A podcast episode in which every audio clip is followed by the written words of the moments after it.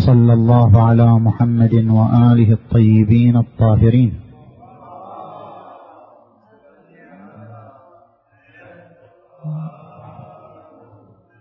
بسم الله الرحمن الرحيم. فلولا نفر من كل فرقة منهم طائفة ليتفقهوا في الدين ولينذروا قومهم إذا رجعوا إليهم لعلهم يحذرون. آمنا بالله. صدق الله العلي العظيم. انطلاقا من الآية المباركة نتحدث عن ثلاث نقاط. النقطة الأولى في بيان مفهوم الفقه. والنقطة الثانية في ذكر العوامل المؤثرة في عملية التفقه. والنقطة الثالثة في الحديث عن شخصية المرحوم المقدس الجد العلامة الحجة الشيخ فرج العمران قدس سره. أما بالنسبة للنقطة الأولى الآية الكريمة تقول فلولا نفر من كل فرقة منهم طائفة ليتفقهوا في الدين. ما معنى التفقه؟ ما معنى علم الفقه؟ علم الفقه علم تطبيقي آلي. وليس علما تقنينيا. العلوم تنقسم إلى قسمين. علم تقنيني يعني دور هذا العلم وضع القوانين وتحديد القوانين. وعلم تطبيقي ليس دوره دور التقنين ووضع القوانين وإنما دوره دور التطبيق. تطبيق القوانين والقواعد على مصاديقها وعلى مواردها. علم الفقه ليس علما دوره دور وضع القوانين وإنما دوره دور تطبيق هذه القوانين على مصاديقها وعلى مواردها.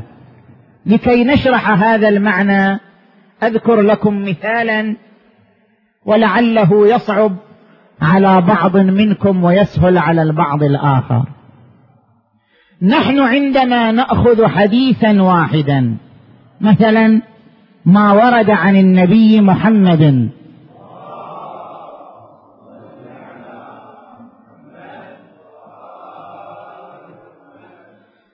وهو قوله صلى الله عليه وآله لا ضرر ولا ضرار. هذه الكلمة لا ضرر ولا ضرار حديث نبوي عنه صلى الله عليه وآله. إذا جاء الفقيه يريد أن يتعامل مع هذا الحديث ويريد أن يستخلص من هذا الحديث بعض الفتاوى وبعض الأحكام الفقهية كيف يمارس الفقيه عملية الفقه؟ كيف يمارس الفقيه تناول الحديث من خلال العملية الفقهية. هنا عدة علوم لا بد أن يرجع إليها الفقيه في هذا الحديث وحده. هذا الحديث الصغير كي يستنبط منه الفقيه الفتوى والحكم لا بد أن يراجع عدة علوم وعدة معارف كي يتوصل إلى تلك الفتوى وذلك الحكم. العلم الأول علم الحديث. هل هذا الحديث حديث متواتر كما ذكره بعض فقهائنا؟ أم أن هذا الحديث خبر آحاد وليس حديثا متواترا لأن الرواة الأوائل لهذا الحديث هم زرار بن أعين وعقبة بن خالد وهما راويان والتواتر يعتبر فيه عدد يطمئن بعدم تواطؤهم على الكذب. هل الحديث حديث متواتر أو خبر آحاد؟ هذه مسألة يتكفل بها علم الحديث. ينتهي الفقيه من مراجعة حلم الحديث. ينتقل إلى علم الدراية. علم الدراية ما معناه؟ علم الدراية هو العلم المتكفل بدراسة متن الحديث. هذا الحديث نفسه متنه مختلف. بعض الروايات ذكرت كما في رواية الشيخ الصدوق أعلى الله مقامه لا ضرر ولا ضرار في الإسلام. بعض الروايات ذكرت كما في رواية الكليني أعلى الله مقامه لا ضرر ولا ضرار على مؤمن. هنا الفقيه يجد أن المتن مختلف. في الصدوق شيء عند الصدوق شيء وعند الكليني شيئا آخر. هذا زاد كلمة في الإسلام هذا زاد كلمة على مؤمن. كيف يعالج الفقيه هذه الزيادة؟ هنا الفقيه يحتاج إلى علم الدراية يرجع إلى علم الدراية يدرس الزيادة الأولى. لا ضرر ولا ضرار في الإسلام. هذه الزيادة أخبر عنها الصدوق بقوله قال رسول الله لا ضرر ولا ضرار في الإسلام. هل ما يخبر عنه الصدوق إخبارا جزميا حتميا كقوله قال رسول الله؟ ما قال روي عن رسول الله ما قال ورد قال قال رسول الله. هل الإخبار الجزمي كاشف عن صدور هذا الحديث أم لا؟ هذا مطلب وقاعدة يتكفل بها علم الدراية.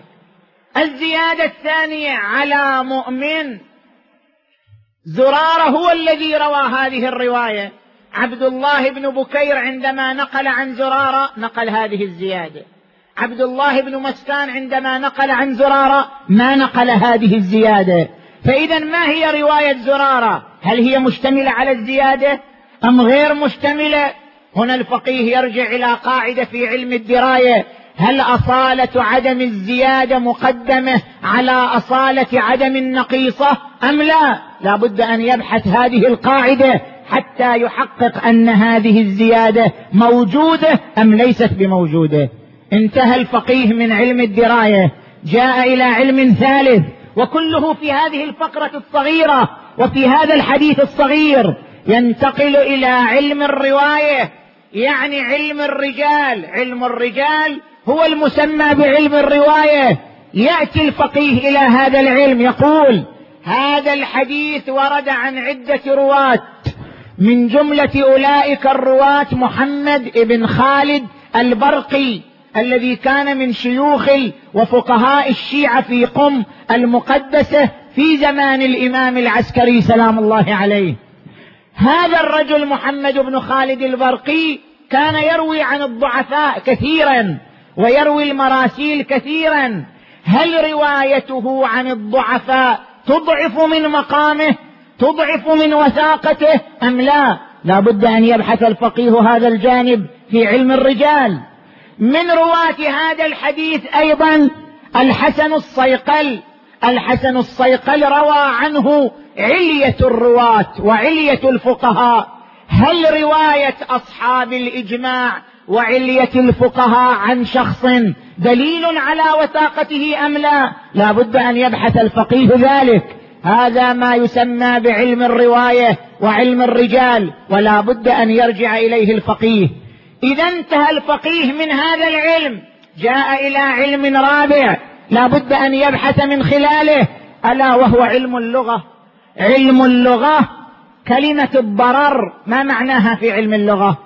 كلمة الضرار ما معناها في علم اللغة؟ لا ضرر ولا ضرار. الضرر هل يراد به النقص أو يراد به سوء الحال؟ لا بد أن يبلور الفقيه ما هو المعنى اللغوي للضرر. ويراجع مختلف كتب اللغة ويقارن بينها ويرجح البعض على البعض الآخر ويدرس شخصيات اللغويين ويدرس الكتب اللغوية ويعرف مشاربها ودوافعها ومناهجها في مقام تحديد المعنى اللغوي. هل الضرر بمعنى النقص؟ أم الضرر بمعنى سوء الحال؟ وإذا كان بمعنى النقص فهل يراد به النقص الحقيقي؟ أو الاعم من النقص الحقيقي والنقص الاعتباري. ثم يلجأ إلى كلمة الضرار. ما معنى الضرار؟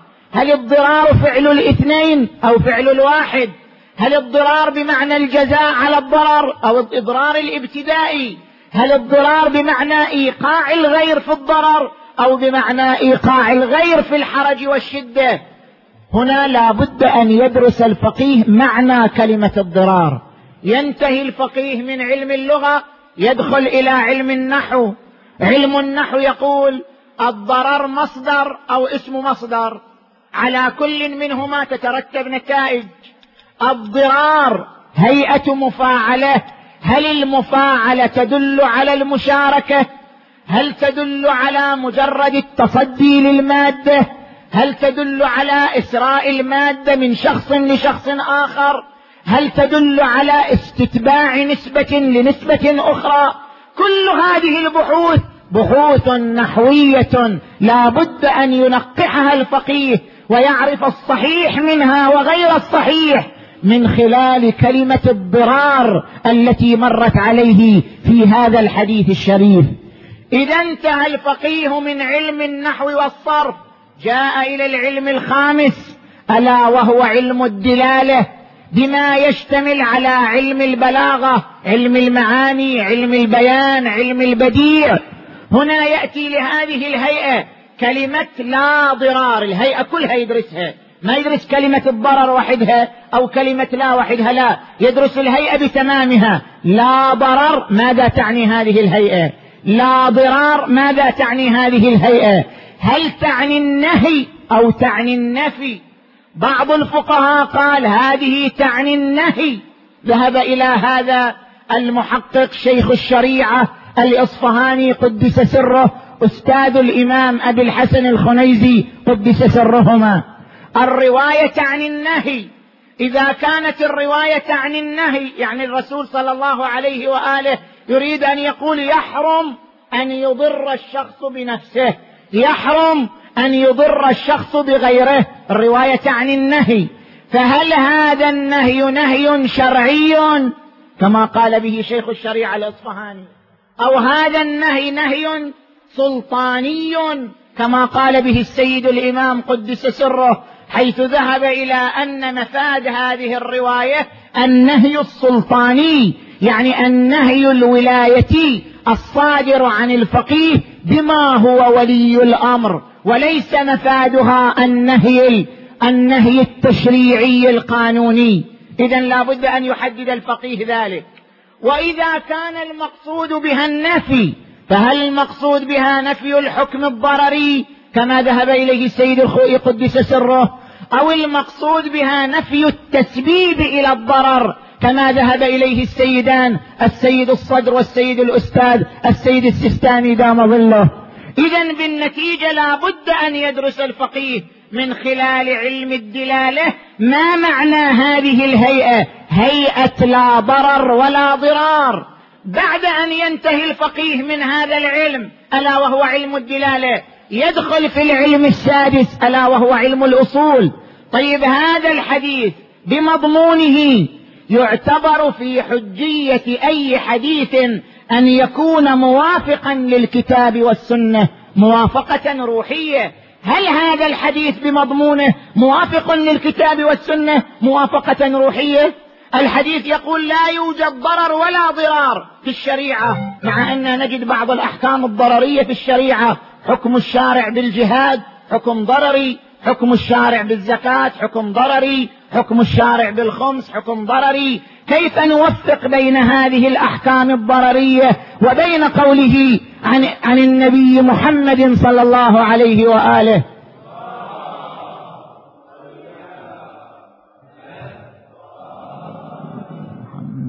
لا ضرر ولا ضرار. هنا تتدخل القاعدة الأصولية وهي هل الحديث موافق للكتاب والسنة موافقة روحية أم لا؟ أيضا الفقيه لا بد أن يبحث ما هي نسبة هذا الحديث للأحكام الأولية؟ هل هي نسبة الحكومة؟ هل هي نسبة التخصيص؟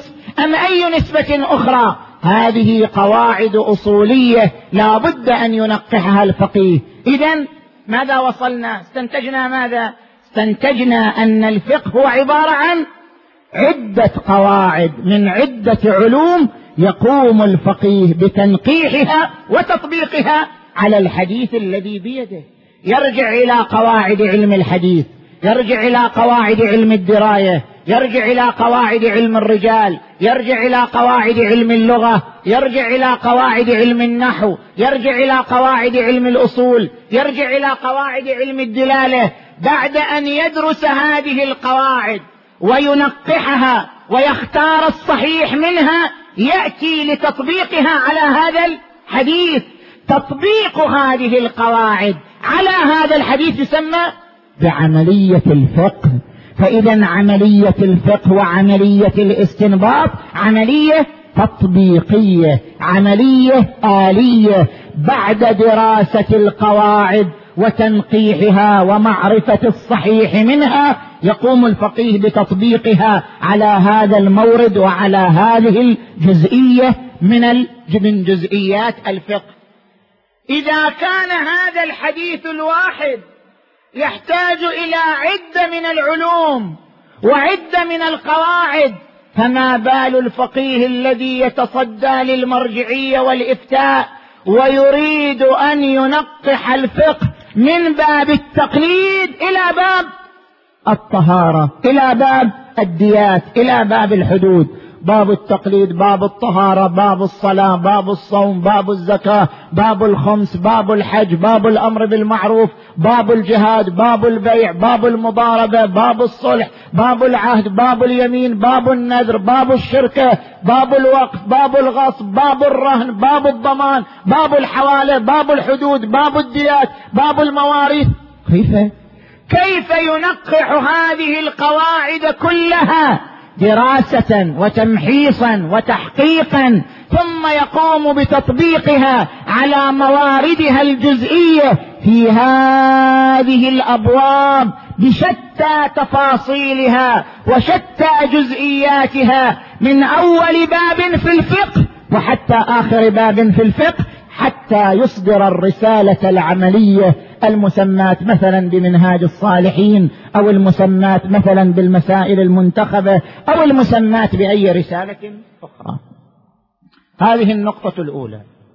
النقطة الثانية الفقيه كي يصل إلى الفقاهة التامة كي يصل إلى درجة الفقاهة وأنه قادر على خوض هذه العلوم المختلفة وتحكيم رأيه ونظره في هذه العلوم المختلفة ثم القيام بتطبيقها على مواردها الجزئية وعلى صغرياتها في الفقه. هناك عدة عوامل تتحكم في هذه المسيرة حتى تكون المسيرة تامة. العامل الأول العامل المعرفي. طيب لابد أن يلم بهذه العلوم.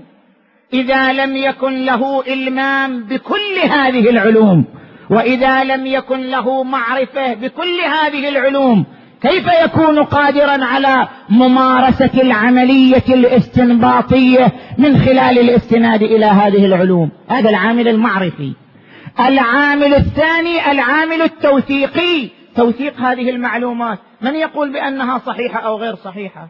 لا يجوز للفقيه أن يقلد غيره. في أي قاعدة من القواعد.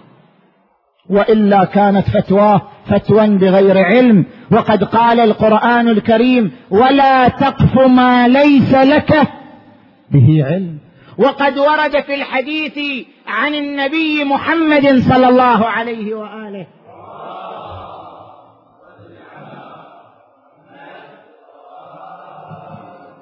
عن طريق ابنهم إمام الصادق عليه السلام من أفتى الناس بغير علم لعنته ملائكة السماء وملائكة الأرض. اذا لا بد أن يكون موثقا. أي قاعدة من القواعد؟ لا بد أن يبحثها بنفسه. وأن يبلورها بنفسه وأن يعرف صحتها من فسادها بنفسه. لا بد من توثيق هذه القواعد بتمامها حتى تكون فتوى فتوى بعلم وليست فتوى بظن ولا باستحسان ولا باستذواق وإنما هي فتوى بعلم. العامل الثالث عامل الذاتي عامل الدقة والمهارة. ليس كل من عرف المعلومات فهو دقيق في تطبيقها. ليس كل من عرف المعلومات فهو صاحب مهارة وفن في مجال تطبيقها.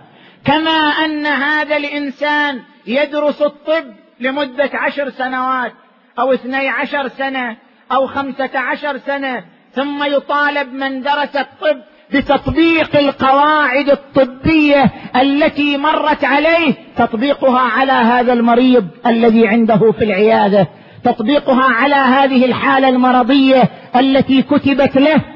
كما أن هذا الإنسان إنما يتفوق على غيره بالعوامل الذاتية.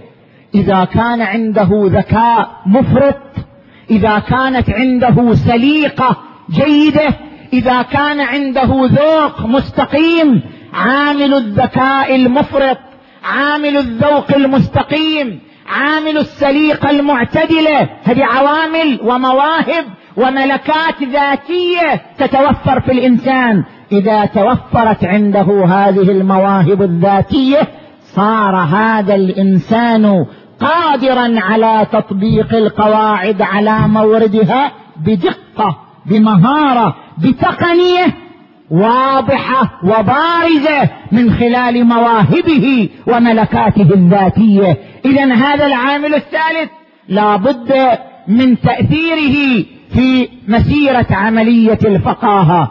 العامل الرابع وهو الذي أريد أن أشير إليه العامل الزمني.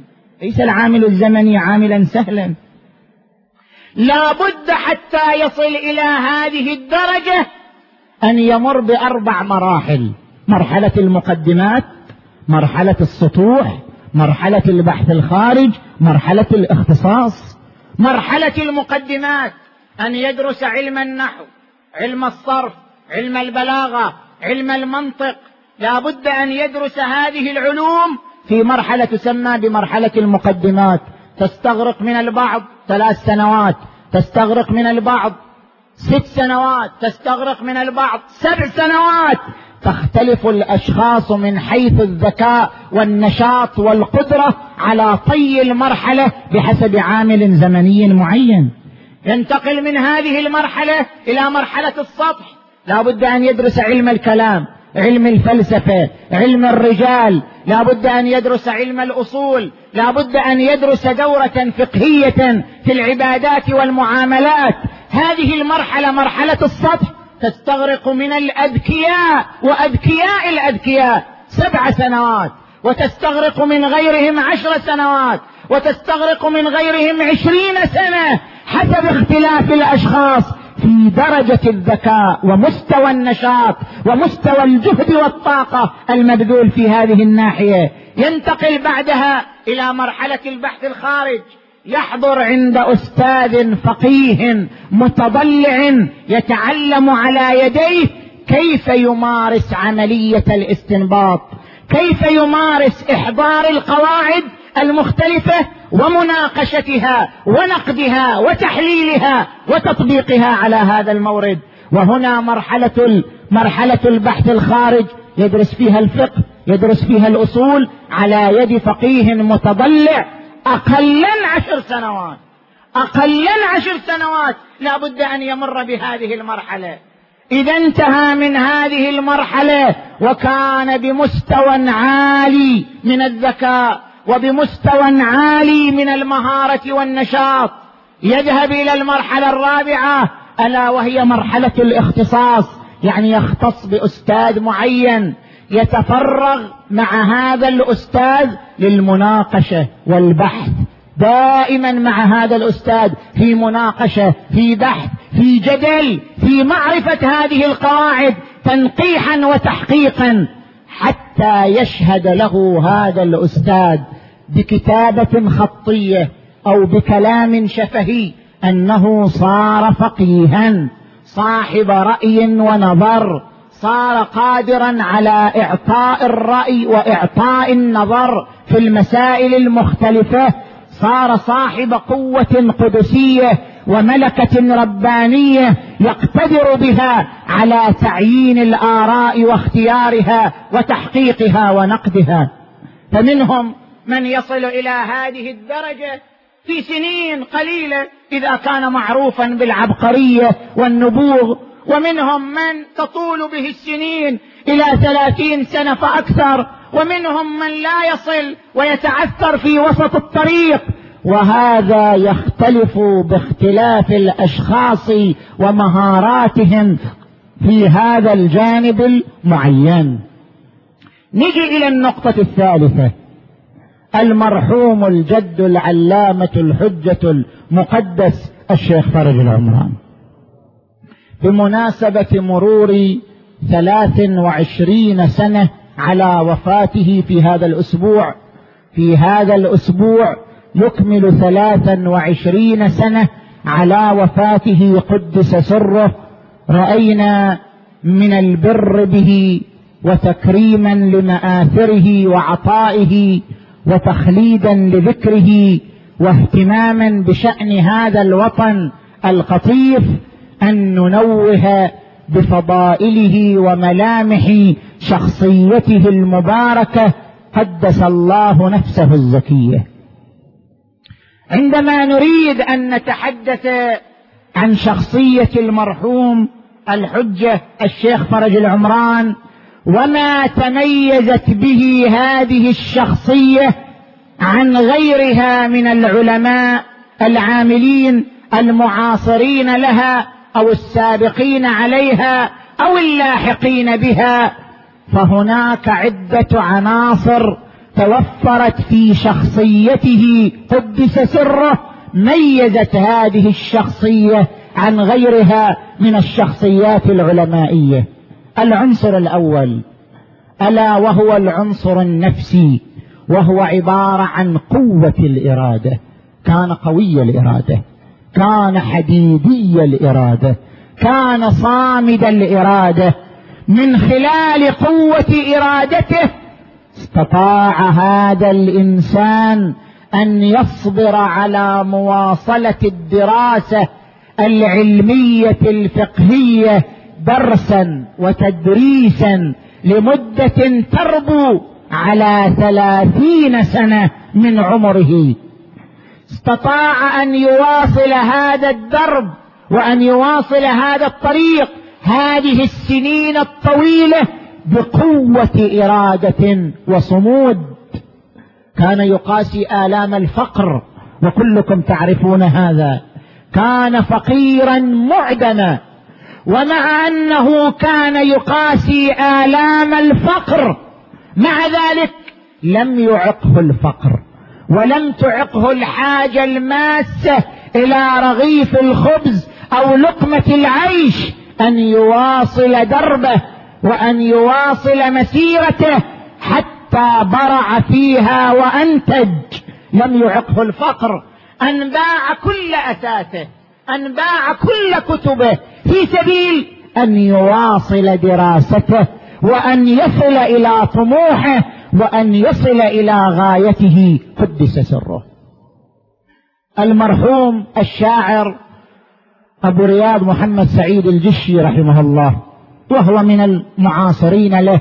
كان يقول أيها الحفل في الدكار فقيد هو نجم مشعشع والضاء هل عرفتم عن سعيه للمعالي؟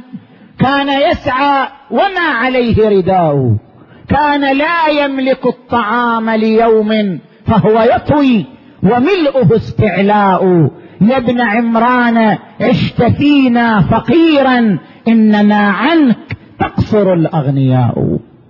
تحمل عقبة الفقر وتحمل آلام الفقر الشديد في سبيل أن يصل إلى غايته وإلى هدفه وإلى طموحه بثبات وقوة إراده. كان يملك إرادة استطاع من خلالها أن يعاصر الأحداث المريرة التي مرت بها التي مر بها في حياته من دون أن تعيقه فقد ولديه وهما في ريعان شبابهما فقد حسنا وعليا وهما في ريعان شبابهما. وما بدا ذلك على شخصيته ولا بدا ذلك على مسيرته.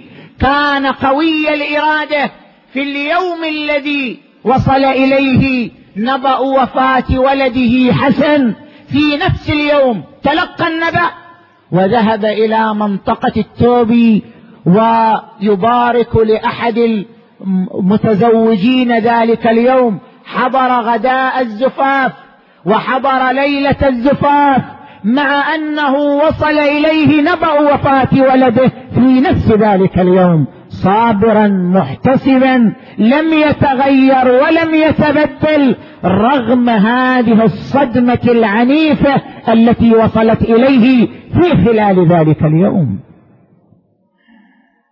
هذا العنصر ألا وهو عنصر قوة الإرادة أثر على نمو شخصيته وكمال وكمال منهجه ومسيرته. العنصر الآخر العنصر الآخر ألا وهو عنصر الإنتاج. كان إنسان منتج. كثير من العلماء عاشوا في القطيف وغيرها. لا نرى لهم نتاجا ولا نرى لهم اثرا. أما الفقيد أما الحجة المقدس الشيخ فرج العمران فقد كان عالما منتجا كان عالما مثمرا. النتاج تحقق على يديه من خلال مسيرته في مختلف الجهات على مستوى تلامذته هو أستاذ علماء الوطن هو أستاذ المرحوم العلامة الشيخ منصور البيات هو أستاذ المرحوم العلامة الخطيب الكبير الشيخ ميرزا حسين البريكي هو أستاذ المرحوم العلامة الفذ الشيخ عبد الحميد الخطي. يكفي من نتاجه أنه أستاذ هؤلاء. يكفي من نتاجه أنه خرج هؤلاء وأنتج هؤلاء. علماء قادوا مسيرة الوطن في فترات حرجة وفي ظروف قاسية ببركة أستاذيته وجهوده وعطائه الذي من خلاله ربى هؤلاء العلماء وأنتج هؤلاء العلماء الاسلام تعال على مستوى قلمه وعلى كان لا يترك الكتابة أنا عاصرته سنين قلائل يعني رأيته صغيرا عمري ثلاثة عشر سنة يوم توفي. ومع ذلك أنا مع أني عاصرت هذه السنين القلائل. من حياته رأيته لا يترك الكتابة ولا ليلة واحدة. كل ليلة رغم كبر سنه رغم أنه مصاب بداء القلب رغم أنه مصاب بالأتعاب البدنية والجسدية والنفسية كان لا يترك القراءة ولا الكتابة ولا التأليف في أي يوم يمر عليه رغم اوضاعه الصحية القاسية. ولقد أنتج بقلمه نتاجا كبيرا كتب في الفقه الخمس على المذاهب الخمسة وقاعدة لا ضرر. كتب في الفلسفة كتاب سقط الغوالي وملتقط اللآلي. كتب في الأدب النفحات الأرجية. كتب في الشعر ديوانه الروض الأنيق. كتب في مجال التأريخ كتابه وموسوعته الكبيرة الأزهار الأرجية. الأزهار الأرجية كتاب يضم أكثر من 140 ترجمة لعلماء المنطقة ولمفكريها ولأدبائها وليس في كتاب غيره. الكتاب الذي يعد الآن المرجع التاريخي الموثق في معرفة تاريخ علماء المنطقة وشخصياتها وأفذاذها بعد كتاب أنوار البدرين. في تراجم علماء القطيف والأحساء والبحرين للشيخ العلامة الشيخ علي القديحي رحمه الله. بعد هذا الكتاب يأتي كتاب الأزهار الأرجية للحجة المقدس الشيخ فرج العمران. إذا أنتج أكثر من ثلاثين كتاب كتب.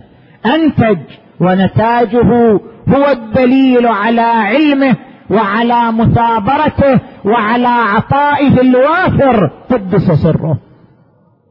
وتعال إليه على مظهر خدماته. خدماته للمنطقة خدمات جليلة. كان قبل زمانه نحن لم نرى قبل زمانه ولكن الكبار هم الذين يذكرون. أنا سمعت من المرحوم العلامة الشيخ منصور البيات قدس سره. قبل زمان الشيخ فرج ما كان الخمس امرا معروفا. كان الذي يقوم بتخميس أمواله أفراد قلائل. لم يكن التخميس حتى ظاهرة ما كان ظاهرة كان حالات جزئية حالات نادرة.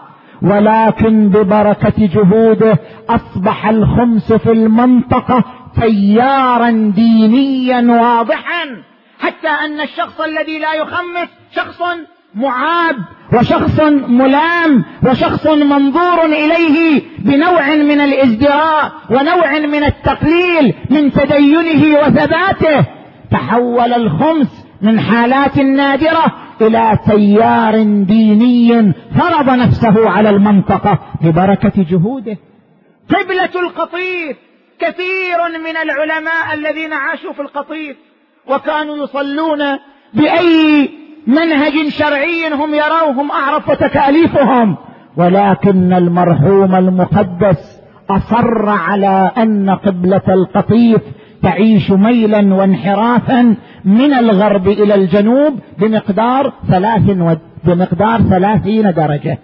أصر على ذلك إلى أن ثبت القبلة على هذا الشكل. وكان يبذل الجهود المضنية في سبيل أن يثبت هذا الأمر أن قبلة القطيف تعني الميل من الغرب إلى الجنوب بمقدار ثلاثين درجة قبل زمانه. كيف كانت ليلة القدر؟ ما كان إحياء ليلة القدر ظاهرة واضحة في القطيف ابدا. كان بعض الناس يحيي ليلة القدر في بيوتهم. هو الذي أصر على ذلك وتنقل بين المناطق.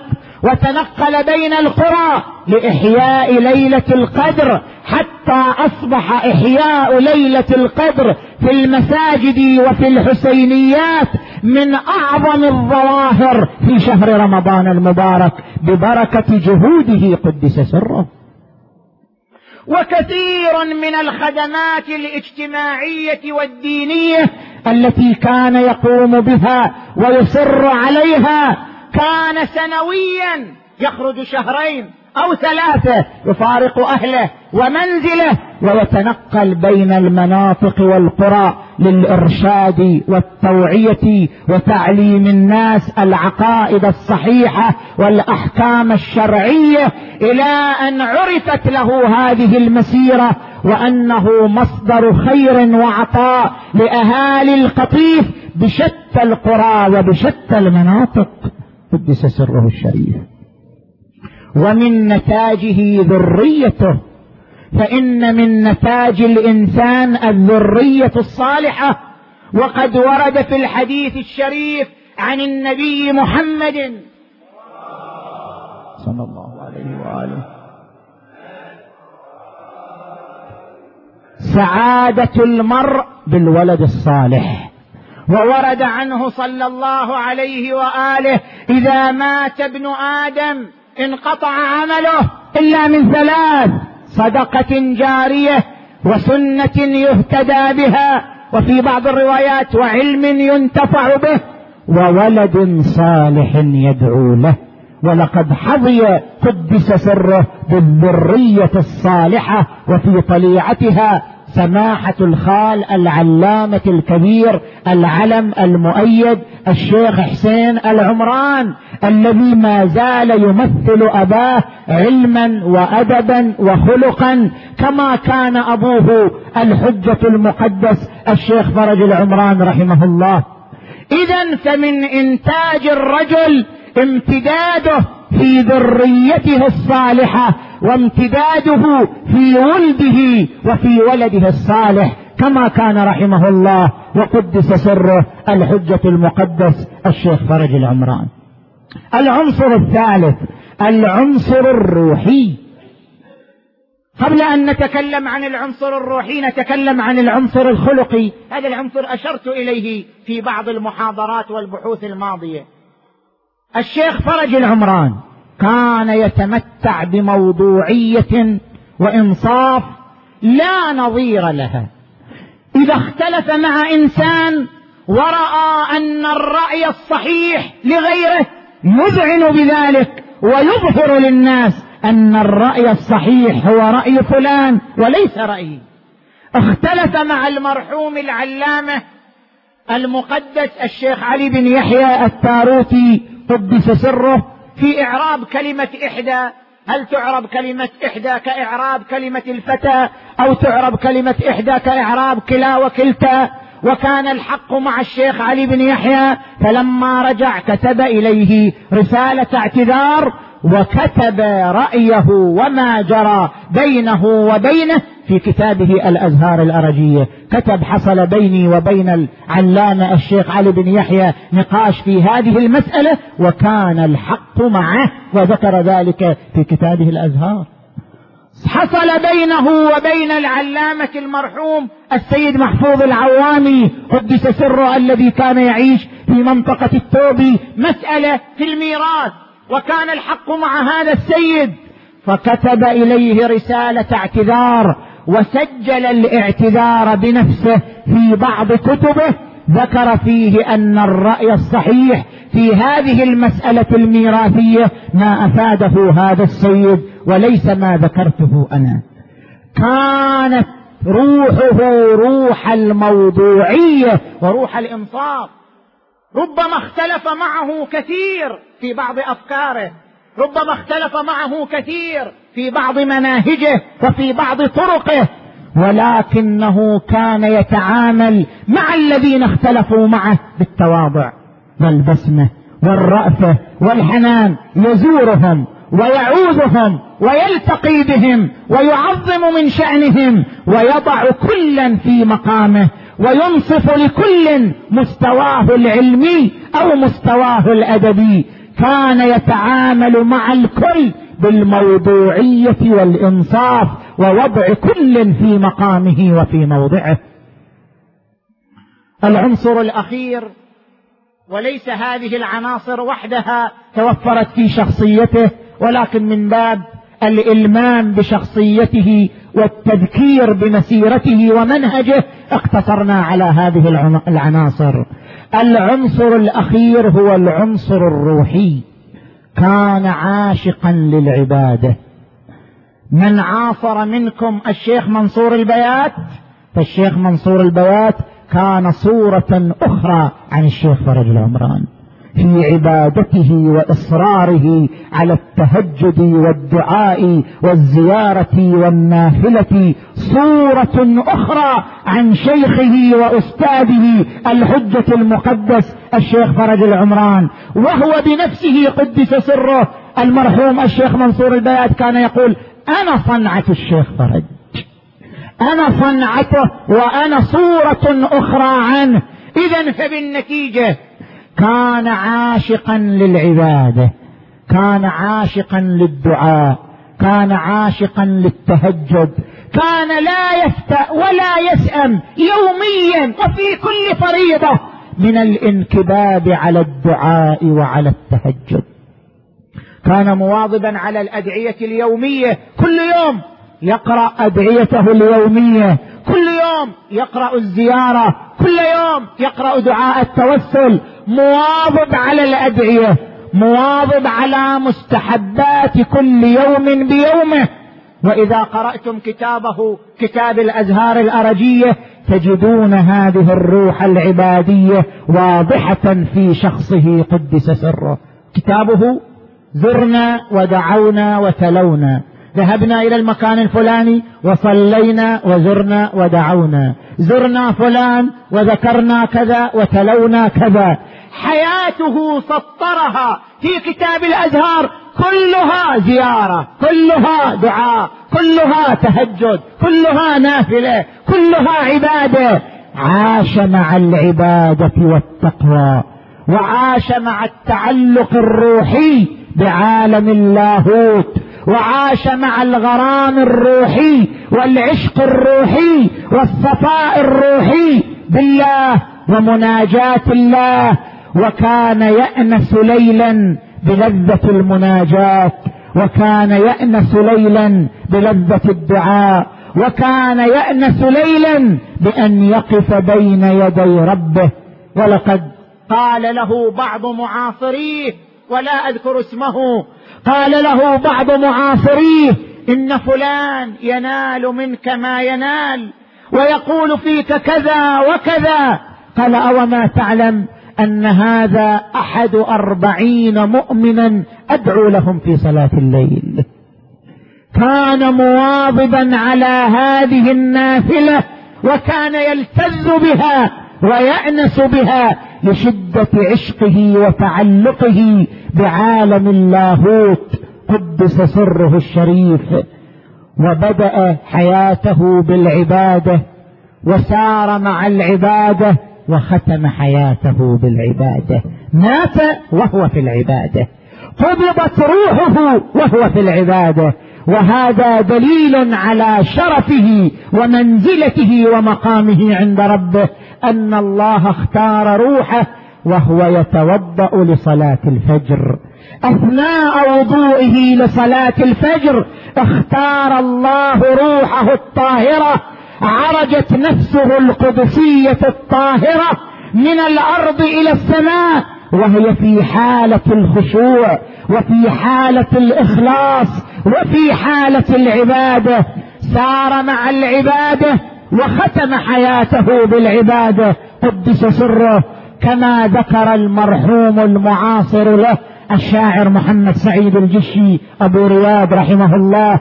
كان يقول يا فجعة الخط في صبح بواعية على فقيه غفى في يقظة السحر وعى يجدد طهرا للصلاة فلم يمهله داع دعا من ساحة القدر فأسلم الروح للباري على طهر ومثله ما غفى إلا على طهر. نسأل الله تبارك وتعالى أن يثبتنا على مسيرة هؤلاء العلماء الأعلام.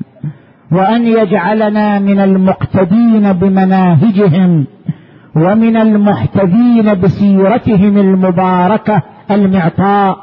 ونسأل الله تبارك وتعالى أن يخلف على هذه البلد على هذا البلد وعلى هذا الوطن بأمثالهم من العلماء العاملين الروحانيين الربانيين المنتجين المثمرين. إنه سميع الدعاء قريب مجيب. ونسأل الله تبارك وتعالى أن يجزل لنا الأجر والمثوبة في الاهتداء بهداهم والاستنان بسننهم. قدس الله أسرارهم الشريفة. اللهم بالزهراء وأبيها وبعلها وبنيها والسر المستودع فيها. طبعا بعض الإخوة الشباب جزاهم الله خير قاموا بإعداد ونشر ما قيل في المرحوم الحج المقدس الجد الشيخ فرج العمران ما قيل فيه شعرا ونثرا. في كتيب سم سميناه قبس من الذكرى. وهذا الكتاب وفرنا منه اليوم خمسين نسخة في الخارج موجودة. على أمل أن نتابع نشره في سبيل إحياء شخصية هذا الإنسان قدس سره. اللهم بالزهراء وأبيها وبعلها وبنيها والسر المستودع فيها. اللهم اغفر ذنوبنا وكفر عنا سيئاتنا وتوفنا مع الأبرار. اللهم نبهنا من نومة الغافلين. اللهم نبهنا من نومة الغافلين. اللهم نبهنا من نومة الغافلين. اللهم اشف مرضانا ومرضى المؤمنين والمؤمنات. واقض حوائجنا وحوائجهم يا كريم. اللهم فرج عن المهمومين والمغمومين في كل مكان. اللهم انصر الإسلام والمسلمين. واخذل الكفار والمنافقين. ايد علماء الدين أينما كانوا في مشارق الأرض وفي مغاربها.